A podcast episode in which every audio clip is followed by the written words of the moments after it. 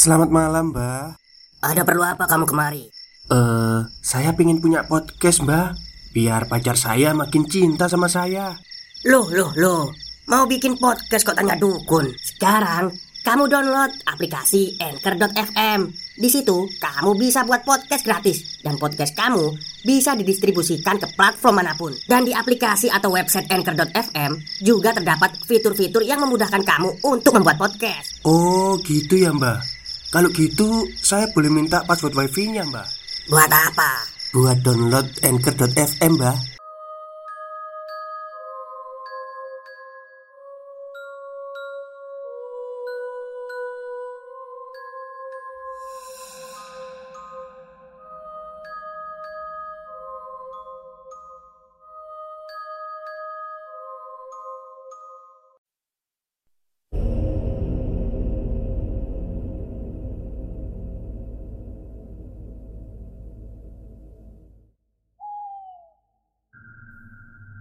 Assalamualaikum warahmatullahi wabarakatuh. Halo semuanya Jumpa lagi dengan saya Chow Sing Sing Kurator dari podcast Horror Night Story.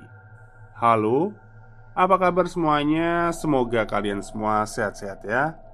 Dan seperti biasanya pada malam hari ini Saya kembali Dan akan menghadirkan sebuah kisah mistis untuk kalian semua. Kisah mistis kali ini saya dapatkan dari treat horornya Mbak Septian atau Nyonya Septian di Twitter.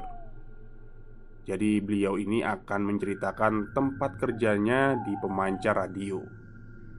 Oke, daripada kita berlama-lama, mari kita simak ceritanya. Sebelumnya baca doa dulu guys untuk memulai aktivitas ini. Karena sejujurnya ini pengalaman yang sulit untuk aku buka kembali. Nama kota dan tempat kejadian tidak aku sebutkan dengan jelas demi menjaga privasi. Tapi ini pengalaman pribadiku di tahun 2010 silam. Saat itu aku baru lulus sekolah di salah satu SMK negeri di kota B di Jawa Timur. Karena belum memiliki biaya untuk kuliah, aku memutuskan untuk mencari pekerjaan. Setelah ke sana kemari mencari info loker, akhirnya ada yang menawari menjadi seorang radio announcer di kota T. Tanpa pikir panjang, aku mengiyakan karena itu sesuai dengan bidangku saat sekolah di SMK. Saat pertama datang untuk interview dan menyerahkan berkas lamaranku di Radio L, tidak ada hal yang aneh. Di sana semua terasa normal dan biasa saja, dan aku sangat bersemangat karena ini rejeki bagiku. Di radio itu, aku mendapat fasilitas mes gratis. Aku pikir lumayanlah daripada harus pulang pergi. Sedang jarak rumahku dengan tempat kerjaku memakan waktu cukup satu jam lamanya. Setelah proses rekrutmen berakhir, dan yes, aku diterima mulailah aku boyongan ke mes. Kesan pertama untuk masuk mes, ya bersih, luas, dan adem. Ada kipas angin, ada lemari, kamar mandi, dan ya banyaklah fasilitas lainnya. Saat itu, satu kamar mes diisi tiga orang. Aku dan dua teman baruku sebut saja Tia dan Putri kami sepakat untuk tinggal di satu kamar mes selama masa training. Masa training jadwal kami bertiga adalah shift paling pagi Jam setengah lima on Pemancar radio Dan berakhir jam 12 malam Di hari pertama dan kedua semua terlihat baik-baik saja Hingga akhirnya Di hari ketiga kami seperti merasa amat kelelahan sampai-sampai aku sering ketiduran. Hari itu kami ada rapat mingguan. Saat itu aku tertidur di meja bundar tempat diadakannya rapat. Tia membangunkanku. Aku terperanjat karena kulihat semua karyawan sudah berkumpul mengelilingi meja bundar. Dan saat itulah ada hal yang aneh yang aku lihat. Di antara para karyawan, ada seperti seorang, namun berwarna hitam tinggi berlari menjauhi meja. Aku pikir itu halusinasi karena aku baru saja bangun tidur. Anehnya, di hari-hari selanjutnya yang seperti seseorang tadi, mulai berani mengikutiku meskipun di siang bolong. Ketika aku dekati dia, dia seperti lari bersembunyi. Namun, ketika aku pergi, dia mengikutiku. Karena merasa penasaran, aku pun bertanya kepada Putri, "Put, kamu tahu nggak apa yang di dekat meja itu tadi?" Putri merasa seperti kebingungan dan balik nanya, "Opo sih?" Lalu aku berbisik ke arah Putri. Aku beritahu, tapi diem aja ya. Jangan teriak dan jangan bilang siapa pun. Ada orang hitam ngikutin aku terus. Tahu nggak kamu? Hampir saja Putri ini Menjerit auto kubungkam mulutnya. Karena aku tahu Dia yang paling penakut di antara kami bertiga. Tanpa berkata apa pun kami segera cek lock Karena hari semakin sore. Saat kami berjalan menuju mes Tiba-tiba Ada seorang karyawan resto yang kebetulan satu lokasi mes dengan kami. Sebut saja namanya Pak Hei mbak, kamu kok berani balik ke radio petang-petang gini? Aku dan Putri saling memandang Emang kenapa mbak? Pak Ija berkata Shh, besok aja aku ceritain Tapi jangan bilang siapa-siapa ya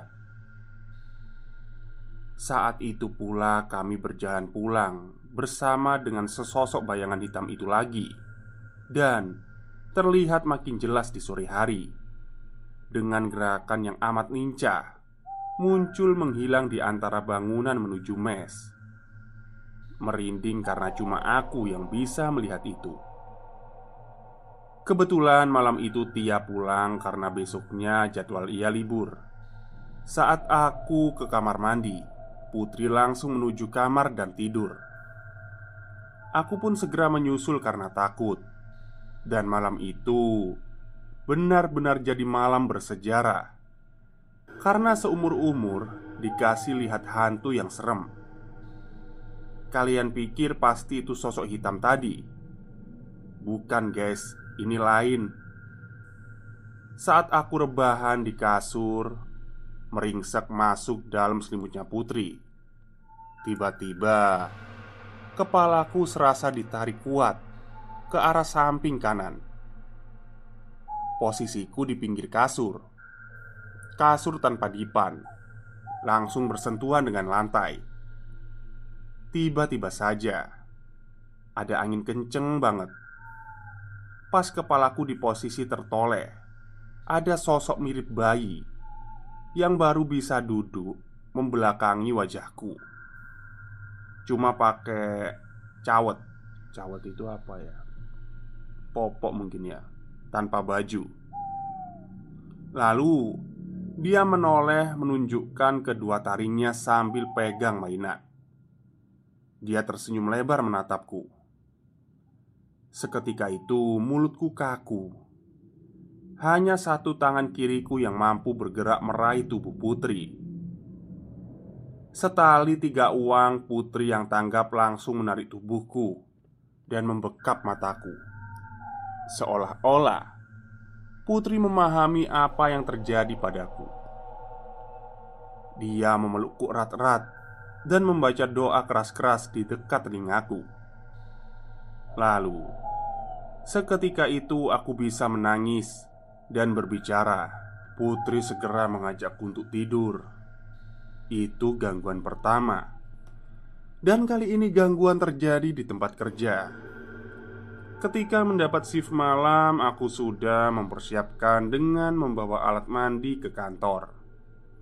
Saat adzan maghrib, aku meninggalkan ruang siaran untuk mandi. Letak kamar mandi di ujung hampir belakang di sebelah ruang pemancar. Sedangkan ruang siaran ada di depan. Saat aku berjalan, aku mendengar ada suara orang yang sedang mandi. Kupikir ada karyawan lain yang sedang mandi. Aku pun duduk di meja makan karena kamar mandi dekat dengan dapur. Setelah lama menunggu, tiba-tiba Pak Rudi, penjaga malam kantorku, datang dan memanggil. "Hei, Mbak, ngapain di situ?" Aku jawab dong, "Antri mau mandi, Pak." Pak Rudi kembali bertanya, "Loh, Emang ada yang mandi? Siapa? Perasaan gak ada? Aku loh habis keliling ngecek. Kagetku bukan kepalang Karena seketika itu Tak ada lagi suara jebar-jebur di dalam kamar mandi. Loh, iya toh pak. Tadi saya dengar ada suara jebar-jebur. Aku semakin takut. Lalu Pak Rudi berjalan ke arah kamar mandi dan membuka pintunya. Alangkah terkejutnya aku karena kamar mandi dalam keadaan kosong dan lantainya kering. Stop, stop, kita break sebentar. Jadi, gimana? Kalian pengen punya podcast seperti saya? Jangan pakai dukun, pakai anchor, download sekarang juga gratis. Lantas, siapa yang mandi tadi? Ih, jadi merinding. Lalu Pak Rudi berkata, "Sudah, mandi sana, Mbak. Aku tunggu di sini. Kunci pintunya." Tanpa pikir panjang, aku segera mandi karena diburu rasa takut.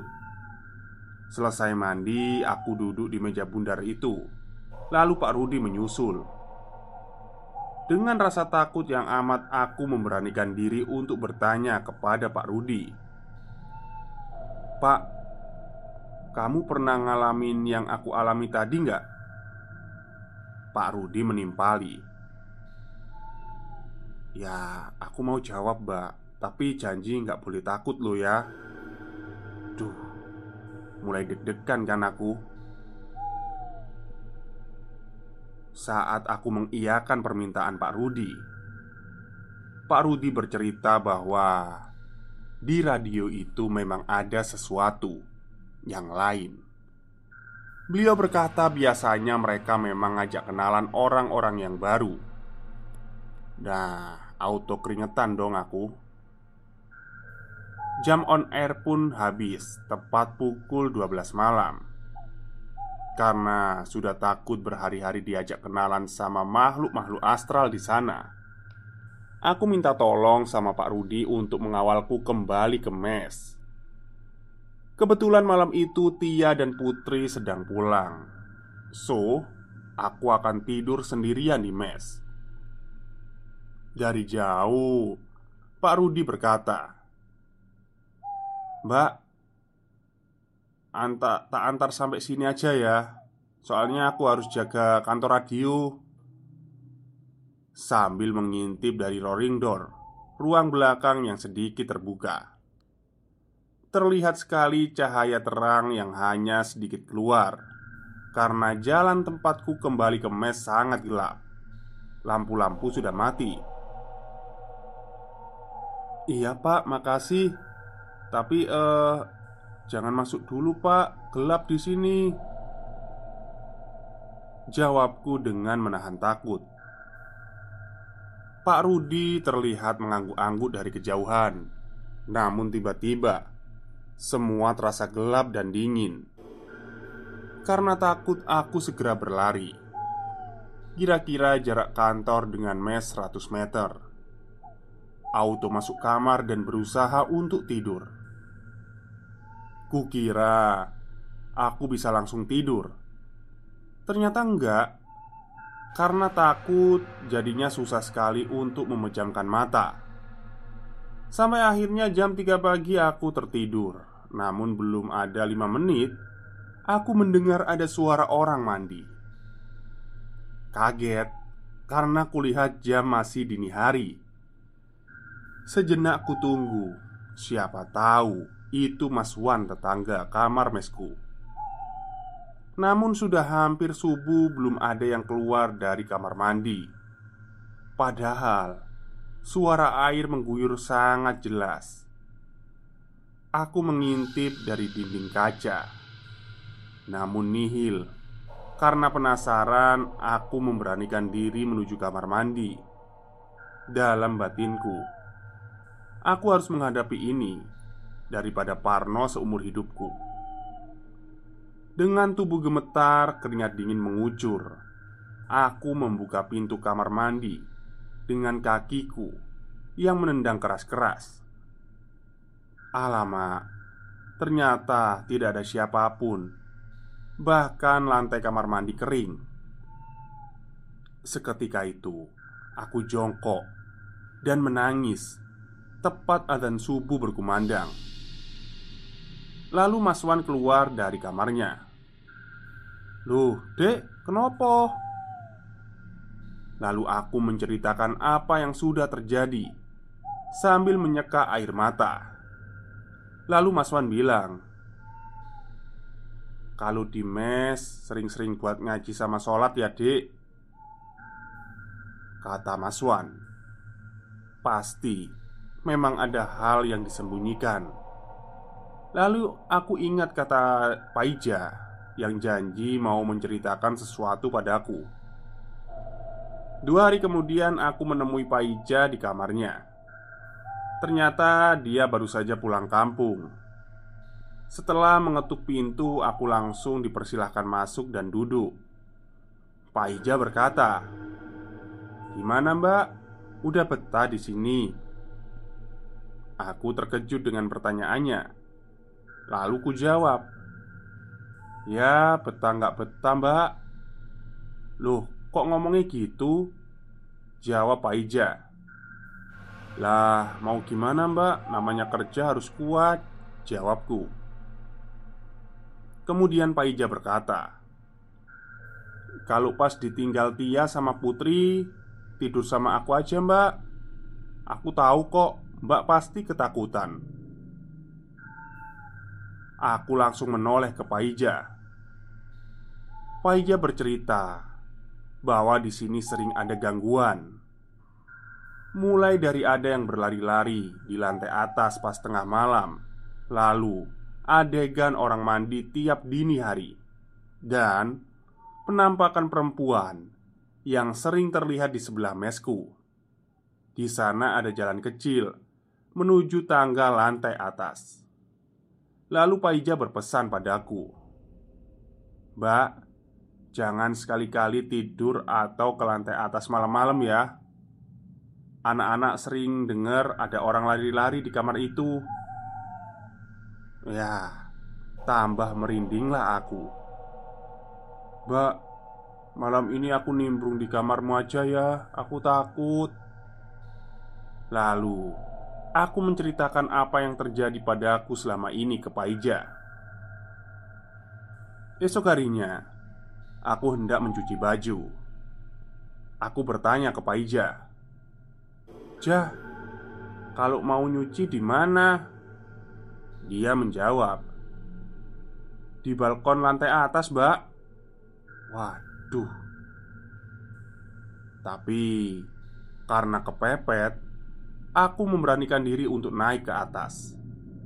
Saat menuju tangga, aku terdiam lama sekali. Antara takut dan kehabisan baju bersih. Akhirnya dengan gemetaran aku naik ke atas. Sampai di atas sana Hanya ada satu kamar kecil. Pintunya sedikit terbuka. Aku mengintipnya dari luar. Kosong dan berdebu Tiba-tiba aku merinding. Buru-buru pergi ngibrit nyuci baju. Aku takut. Sesuai pesan Mas Wan Aku jadi sering ngaji dan sholat di mes.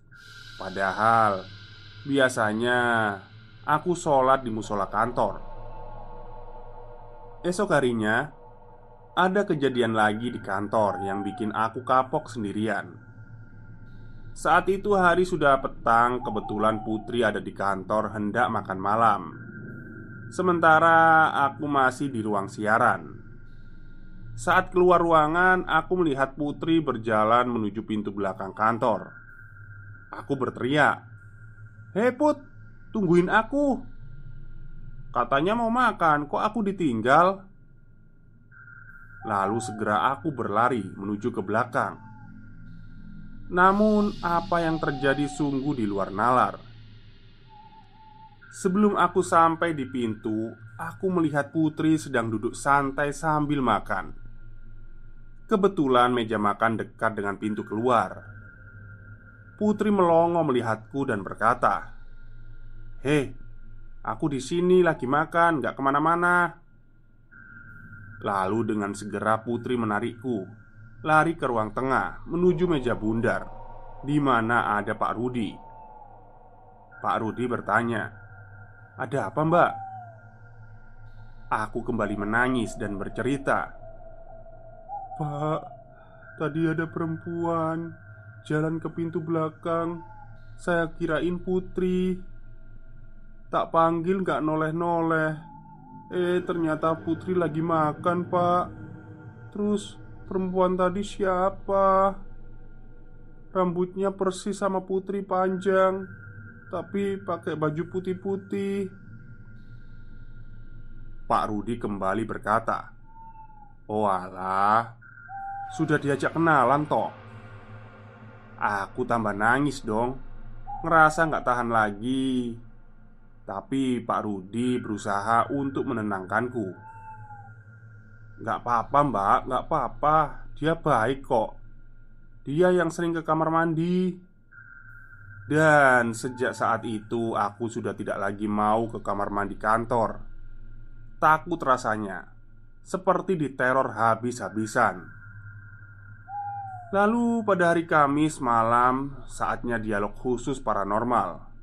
Lupa deh Apa nama acaranya Di segmen itu pendengar-pendengar radio bisa berkonsultasi masalah dan pengalaman gaib Saat itu aku diminta untuk ikut menjadi operator mixer Tapi ternyata Pak Manajer punya tujuan lain Beliau mengenalkanku dengan paranormal Yang saat itu menjadi narasumber Kabar bahwa aku mengalami gangguan ternyata sudah sampai ke telinga Pak Manajer.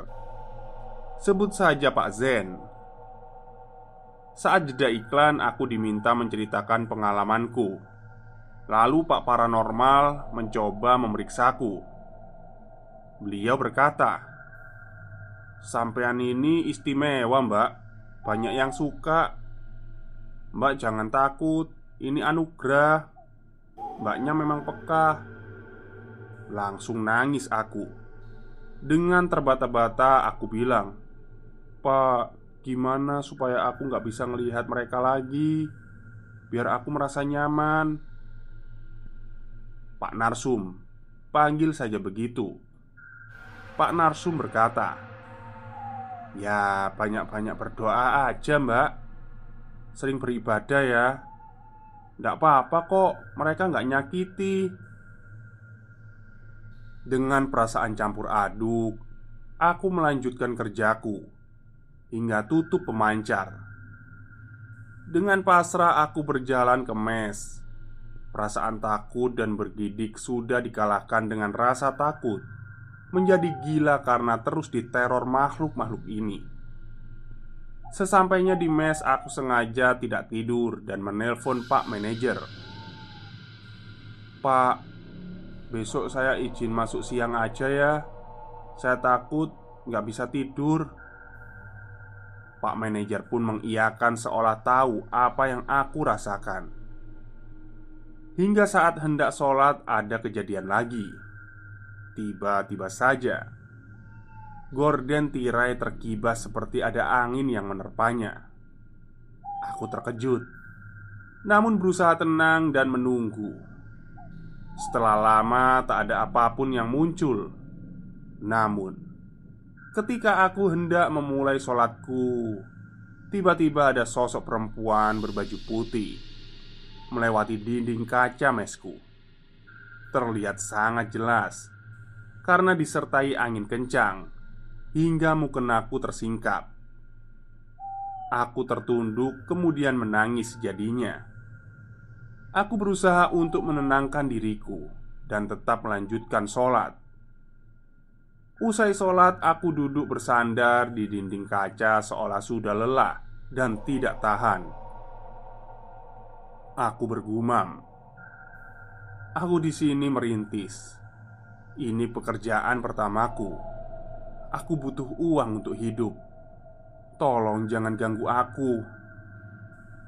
Tak sadar, Aku sudah terlelap tidur. Begitulah hari-hariku seterusnya, dan aku tetap bertahan karena aku percaya Allah melindungiku. Aku tetap melaksanakan sholat dan mengaji seperti yang disarankan oleh Mas Wan. Gangguan itu pun berangsur berkurang, namun tak hilang begitu saja. Si hitam tinggi sehari-harinya masih mengikutiku. Dan mbak-mbak berbaju putih itu sudah tak nampak. Hanya sesekali dia mengintip. Sampai akhirnya aku mampu bertahan selama satu tahun. Hingga pada akhirnya ada fakta baru tentang penampakan-penampakan di tempat kerjaku itu saat aku hendak resign. Paijam mulai memberitahuku Hal yang tak pernah aku duga sebelumnya. Uh, sebenarnya gangguan itu tak semuanya berasal dari sini. Banyak pesaing-pesaing bos kita yang suka jahil. Menabur bunga di sudut bangunan Terus ada yang menabur tanah kuburan. Tapi nggak heran kalau tempat ini terlihat gelap dan menakutkan. Paijah pun memujiku Aku salut loh kamu satu-satunya orang yang paling lama betah tinggal di kamar kaca itu. Karena anak-anak yang sebelum kamu Semua nggak ada yang berani tinggal di situ. Dalam hati aku berkata Sialan Kenapa harus aku sih? Tapi tak apalah Semua sudah terjadi Dan aku mulai merasa nyaman. Memang benar kata Pak Rudi mereka hanya ingin berkenalan. Asalkan kita tetap berlindung kepada Yang Maha Esa, semua akan baik-baik saja. Pelajaran yang mampu kuambil dari cerita ini adalah jangan takut terhadap jin dan setan, karena mereka hanya bertugas untuk menggoyahkan iman kita dengan berkamuflase menjadi makhluk-makhluk astral. Oh iya, Jangan lupa untuk selalu memberi salam di tempat baru. Mohon maaf kalau banyak tipu dan kekurangan lain dalam tulisan, karena baru pertama nulis. Semoga kita selalu dalam lindungannya. Amin. Oh ya, satu lagi, setelah hendak resign, aku memberanikan diri untuk tidur di kamar lantai atas di malam terakhir kerjaku di sana. Dan apa yang terjadi? Alhamdulillah tidak ada terjadi apa-apa. Kata teman-teman malam itu Tumben gak dengar suara orang lari-larian. Hanya saja Saat aku bangun Pintu kamar sudah terbuka. Hi, merinding. Tapi Alhamdulillah aku menyelesaikan misiku Dengan selamat malam itu. Tunggu aku di treat lainnya. Terima kasih sudah membaca. Oke, inilah treat pertama dari uh, Nyonya Septian yang menceritakan tempat kerjanya ya. Jadi Nyonya Septian ini bekerja di sebuah radio siaran gitu ya. Kayak radio apa ya? Kalau di Surabaya itu M Radio, terus Sonora atau banyak lah ya. Jadi di tempat itu ternyata ada penghuni lain. Tapi penghuni lainnya itu bukan dari asli situ, kiriman gitu ya dari mungkin dari pesaing-pesaing radio lainnya. Oke, mungkin itu saja cerita untuk malam hari ini. Semoga kalian suka. Selamat malam dan selamat bermalam minggu.